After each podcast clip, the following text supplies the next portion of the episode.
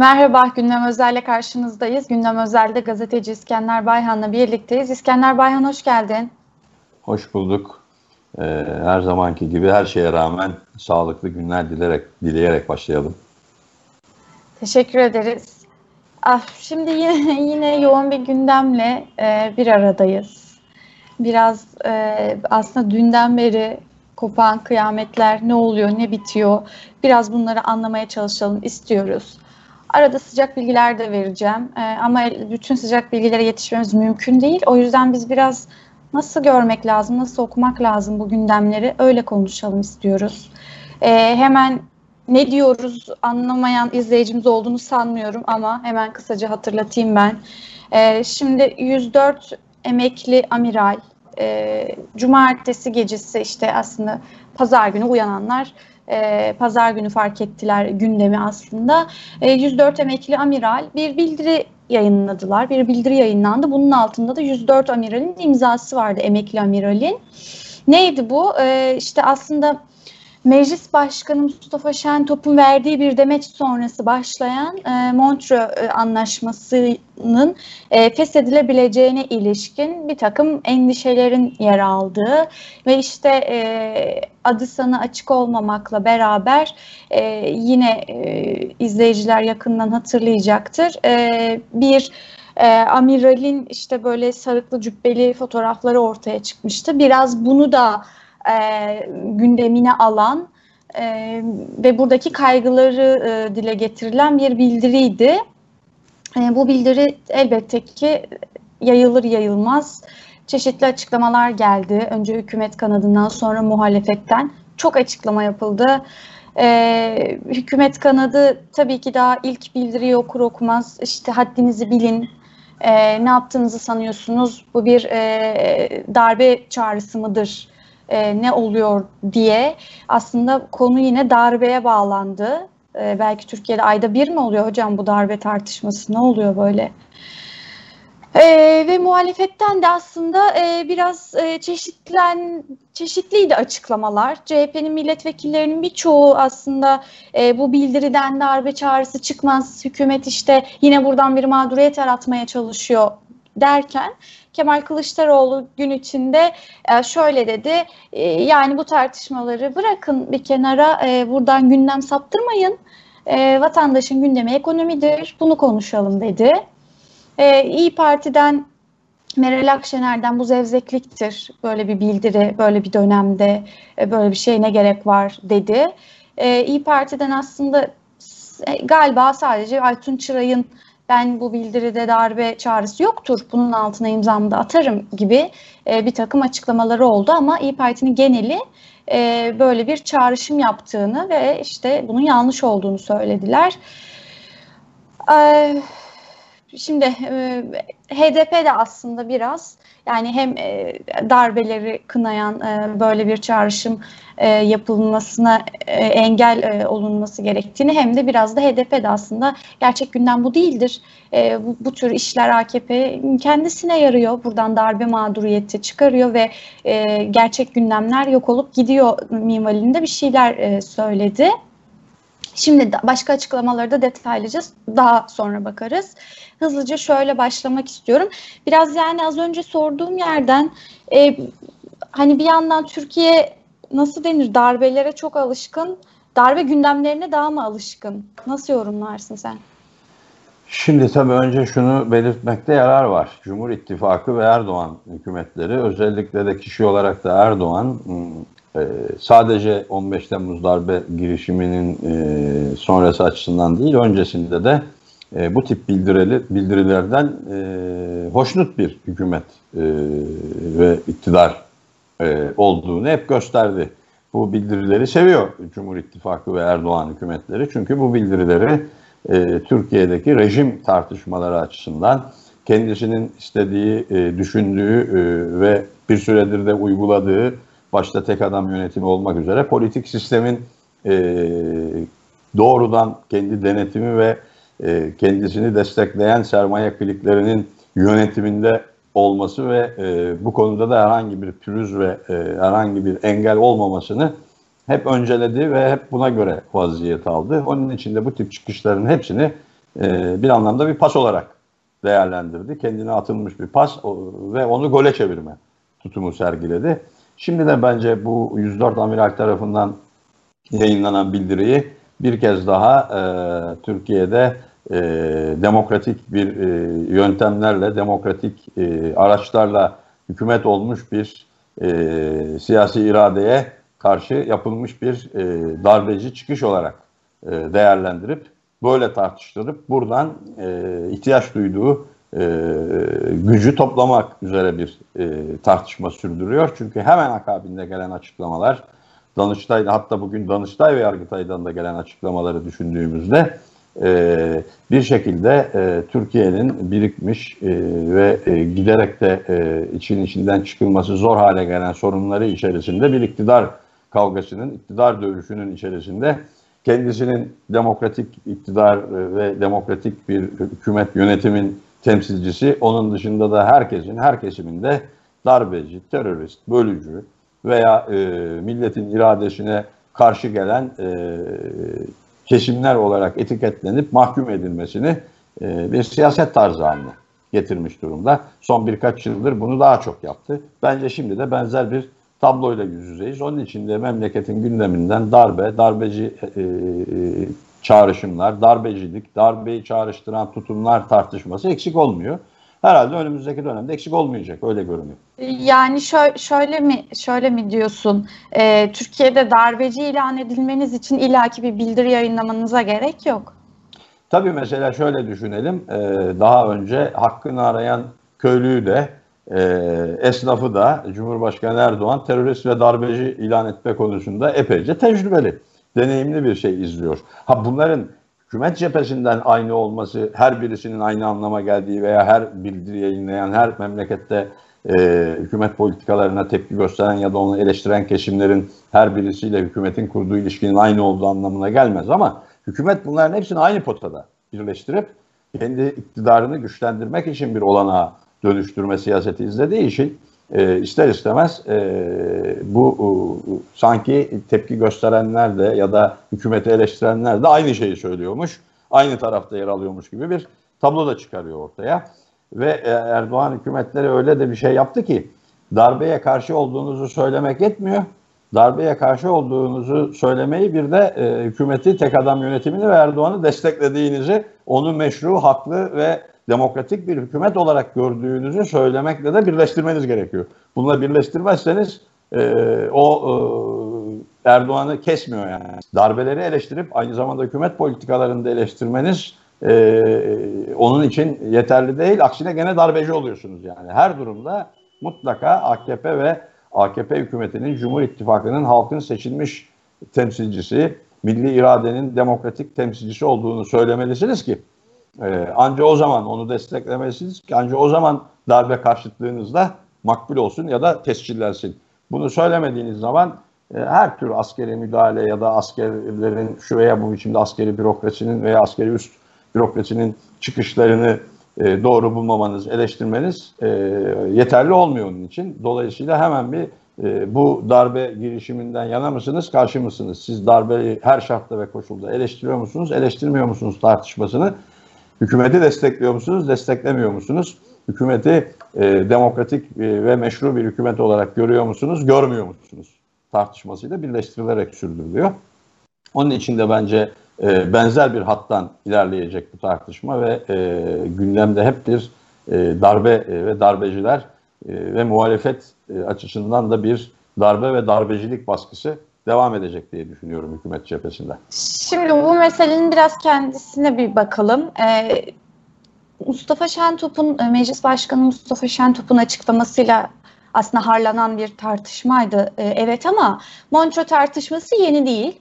Yani sadece özellikle şuradan alsak bile işte Kanal İstanbul tartışmalarıyla beraber aslında yeni baştan dillendirilen, bakılan, böyle bir anlaşma var e, diye e, dönüp bakılan, bu konuşulan, daha önce Erdoğan'dan bu konuyla ilgili duyduğumuz çeşitli açıklamalar var aslında.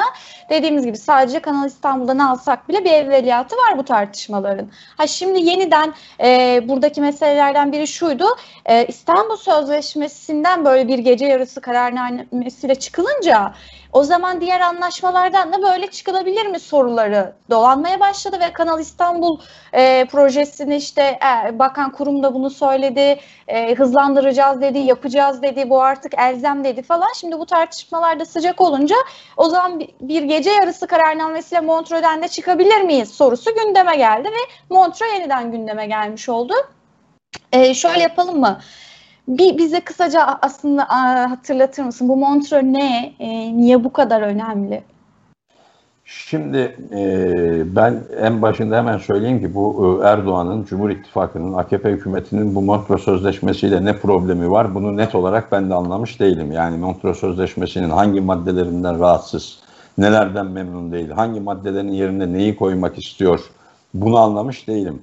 Ama e, Kanal İstanbul projesiyle birlikte Montreux Sözleşmesi'nin e, zorunlu olarak yenilenmesi, güncellenmesi, kapsamının genişlenmesi gerektiği tartışması gündeme gelince ki büyük olasılıkla Kanal İstanbul yapılırsa gelecektir. E, o zaman e, bu ta, e, Montreux Sözleşmesi de daha çok tartışılacak. Ama tarihi açıdan bakarsak Montreux Sözleşmesi'ne e, 1936 yılının Temmuz'unda e, yapılmış bir e, Montreux'de, İsviçre'nin Montreux kentinde yapılmış konferansta İstanbul ve Çanakkale Boğazı başta olmak üzere e, boğazlarla e, komşu olan veya boğazlarla sınırı, deniz ve kare sınırı olan ülkelerin boğazlardan geçişiyle birlikte uluslararası düzeyde de ticari ve askeri boğazlar ticaretinin e, boğazlardan geçişin ticari ve askeri açıdan düzenlenmesini içeren bir sözleşme.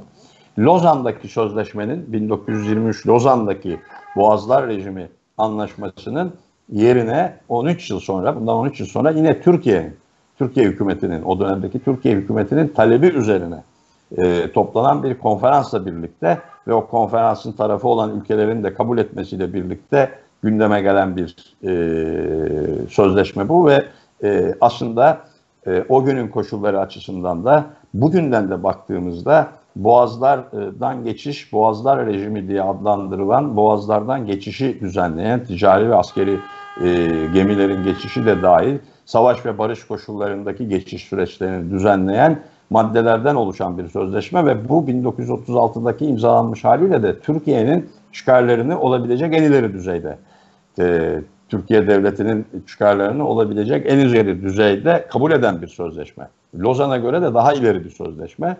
E, dolayısıyla bu sözleşmenin mevcut koşullarda bence daha iyisi nasıl bir sözleşme olur dersek çok tartışma götürür. Ama bu haliyle e, ne Karadeniz'e sınırı olan ülkeler açısından ne Türkiye açısından ne de uluslararası e, ticaret açısından kötü diye e, bahsedilebilecek ya da kötü diye e, söylenebilecek bir sözleşme değil. Belli e, zayıflıkları olmakla birlikte savaş e, politikaları açısından ki belli zayıflıkları olmakla birlikte esas olarak barışçıl, boğazlardan geçişin barışçıl koşullarının düzenlenmesi ve burada da Türkiye'nin boğazları, Türkiye'nin sınırları içerisinde kabul edip önem Türkiye'ye bütünüyle bu boğazlardaki geçişleri denetleme, takip e, ve yönetme hakkı veren bir sözleşme.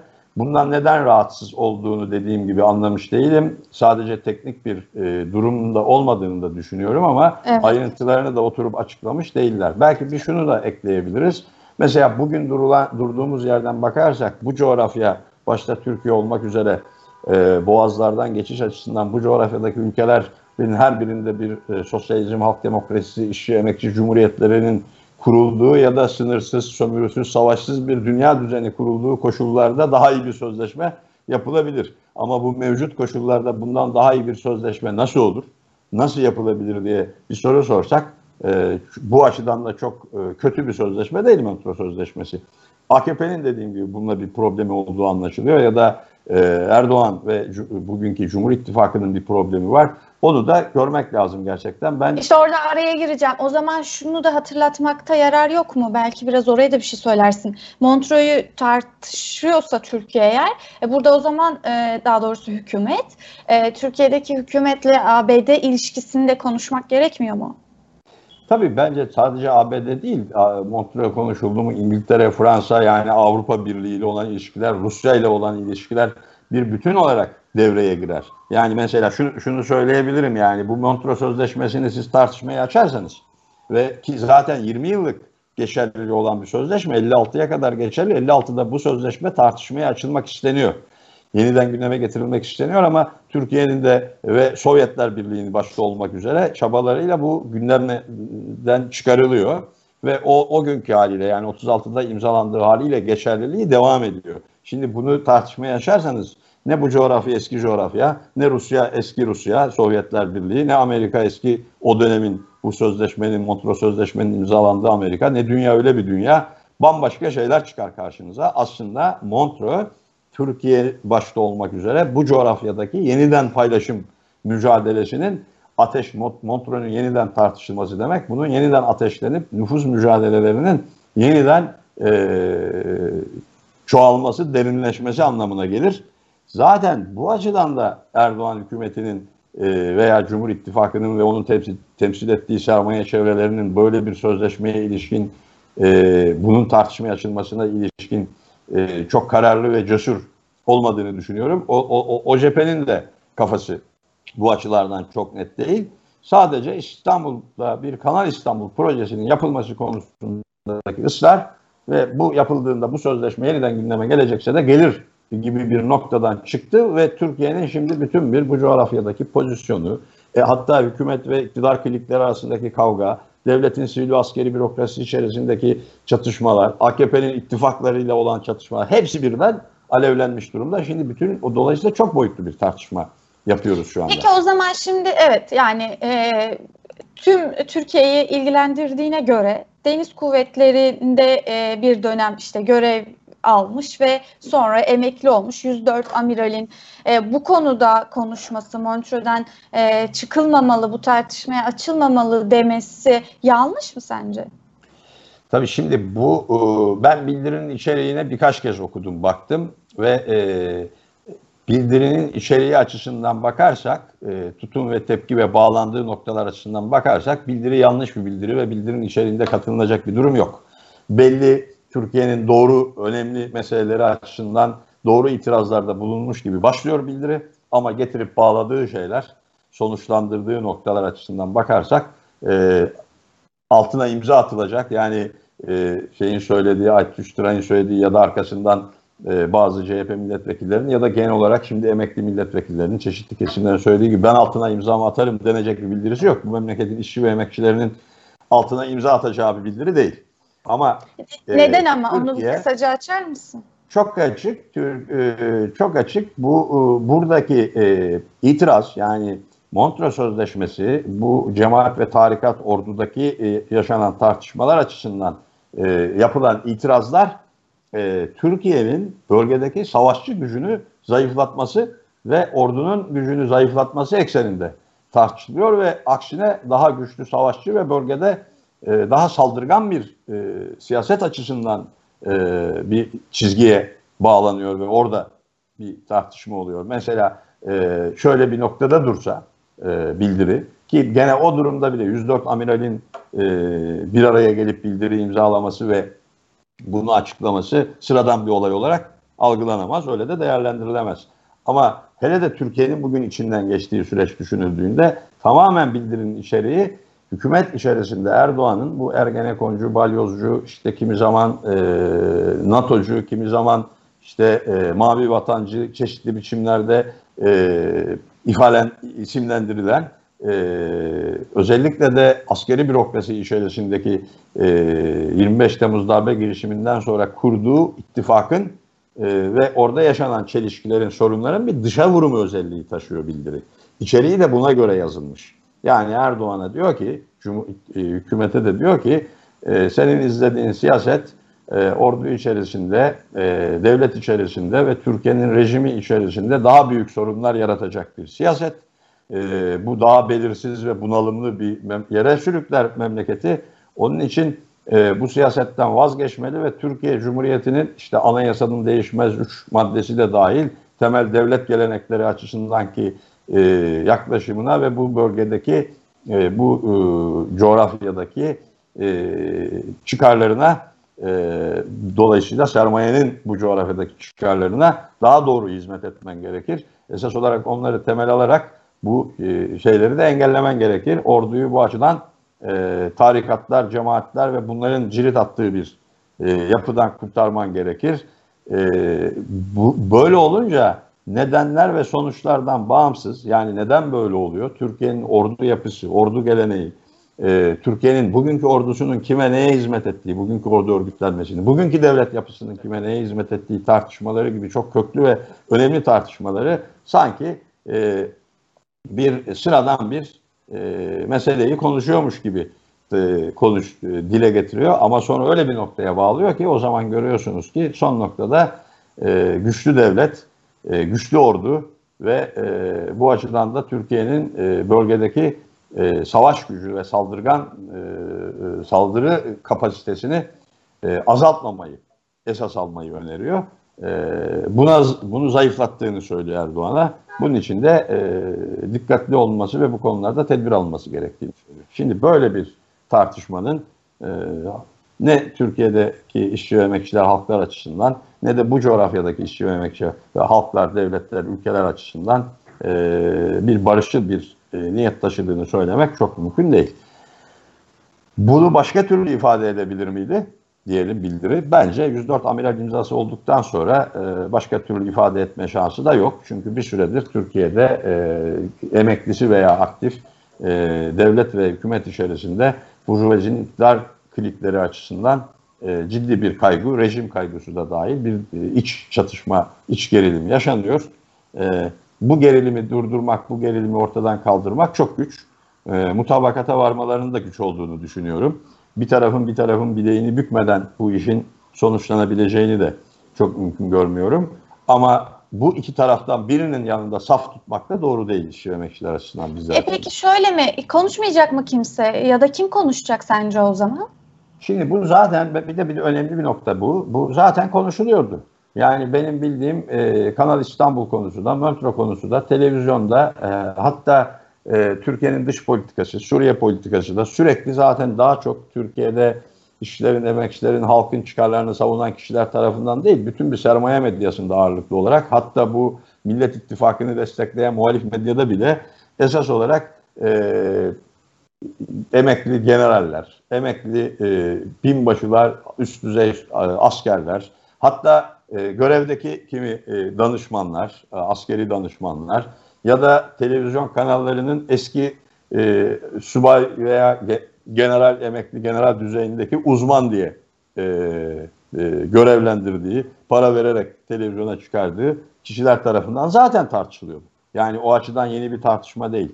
Burada yeni bir tartışma bir silsile halinde bunun geliyor olması e, tartışmanın ve bu kez bir 104 amiralin ortak bir tutumla çıkıp emekli amiralin bir tutum takınması. Ben Erdoğan'ın bu politikasının Kanal İstanbul ve Boğazlara ilişkin ve Montreux konusundaki politikasının içeride zaten e, emekli olmayan yani ordu içerisindeki Ergenekoncu birlikte ittifak ettiği güçlerde zaten bir rahatsızlık oluşturduğuna, e, huzursuzluk oluşturduğuna e, dair emareler artıyordu. Böyle olduğunu düşünüyorum. Şimdi bu emekli generaller üzerinden dışa vurdu. Yoksa tartışacak tabii herkes tartışabilir ama Türkiye gibi bir ülkede bu tartışmalarda tartışmanın içeriği, e, söyleyiş, e, dile getirdiğiniz politikalar ve o politikaları bağladığınız yer önemli oluyor. Bu açıdan da bakarsak e, çok fazla hani e, tartışılmayacak bu mesele şeyine çok denk gelmediğini düşünüyorum bunu. Zaten tartışılıyor. Tartışılmayan bir mesele değil.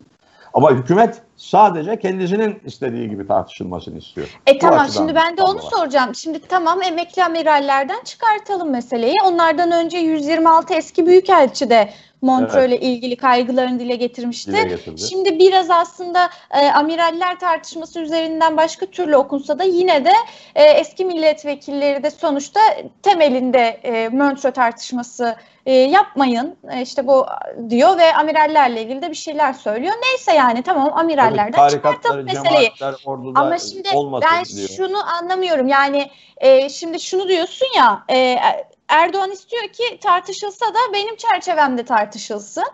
E, sen sonrasında şöyle diyorsun ya e, ama işte bu, Türkiye'de neyi nasıl tartıştığınız da önemli. Yani ne nasıl tartışacağız o zaman? Zaten nasıl tartışırsak tartışalım sonu darbeciliğe çıkmıyor mu? Nasıl tartışacağız o Tabii. zaman?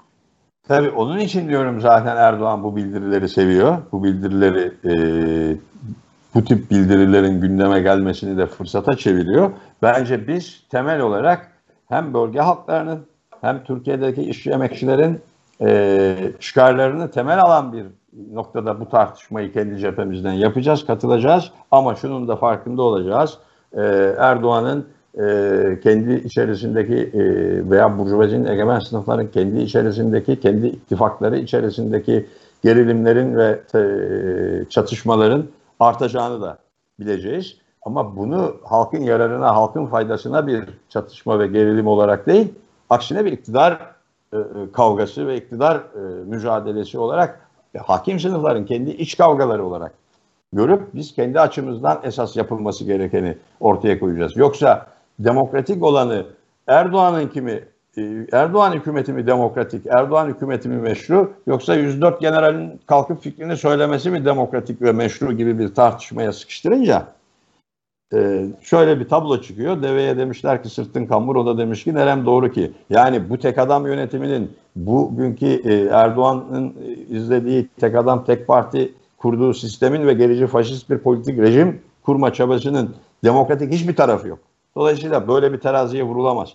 Onun karşısındaki kefeye de şimdi 104 generalin e, bildiri yayınlama hakkı da demokratik bir hak kardeşim. Bu kadarını da neyine itiraz ediyorsunuz demek en fazla şu olabilir.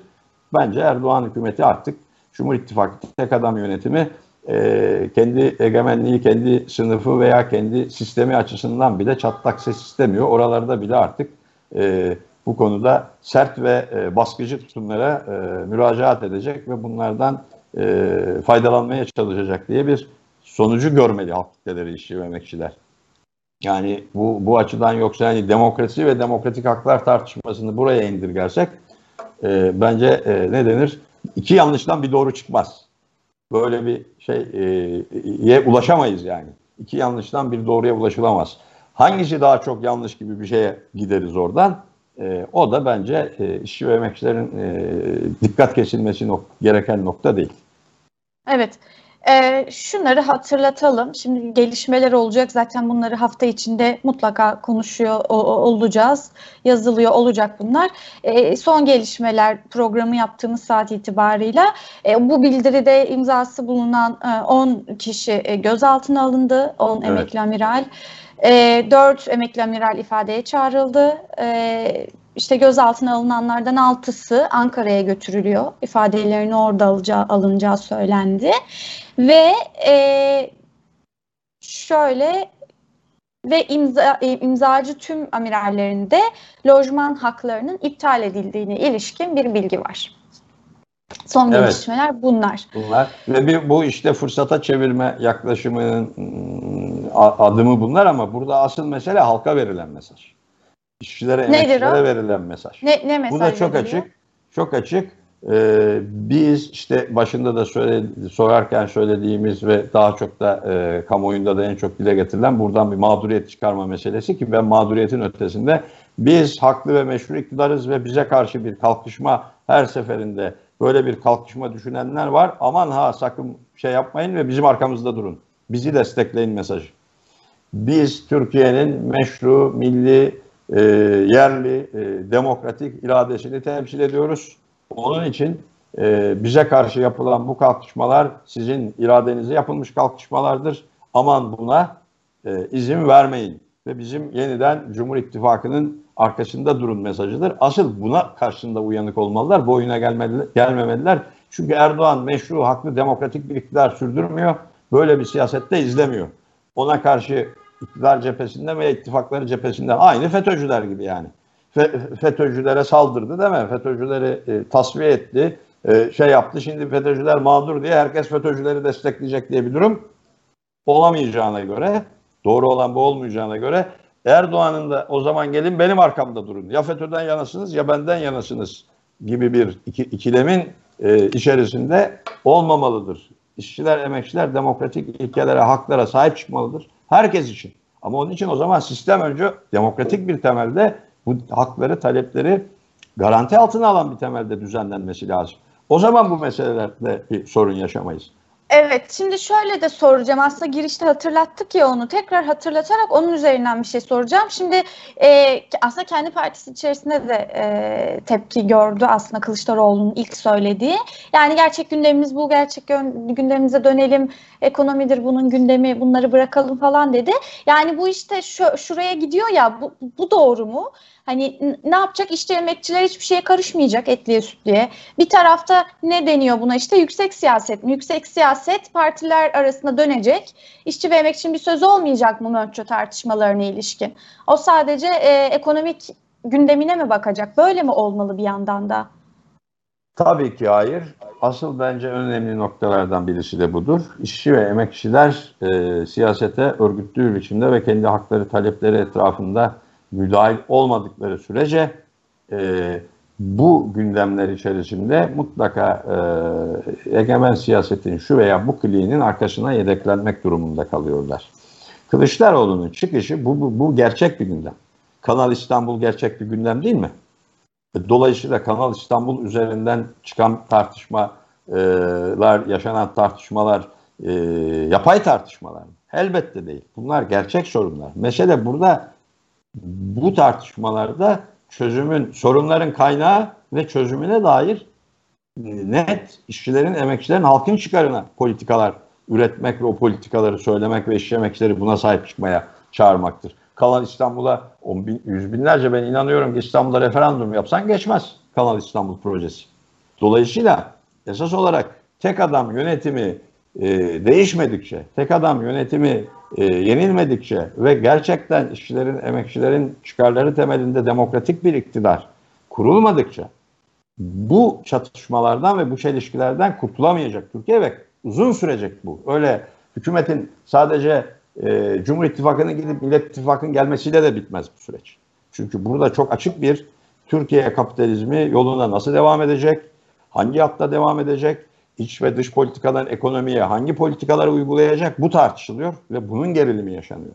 O zaman oraya siz kardeşim biz işçi ve emekçilerden yana bir Türkiye, işçi ve emekçilerin halkın sömürülen ve ezilen kesimlerinin haklarını, e, demokratik taleplerini, özgürlüklerini garantili altına alan bir Türkiye istiyoruz.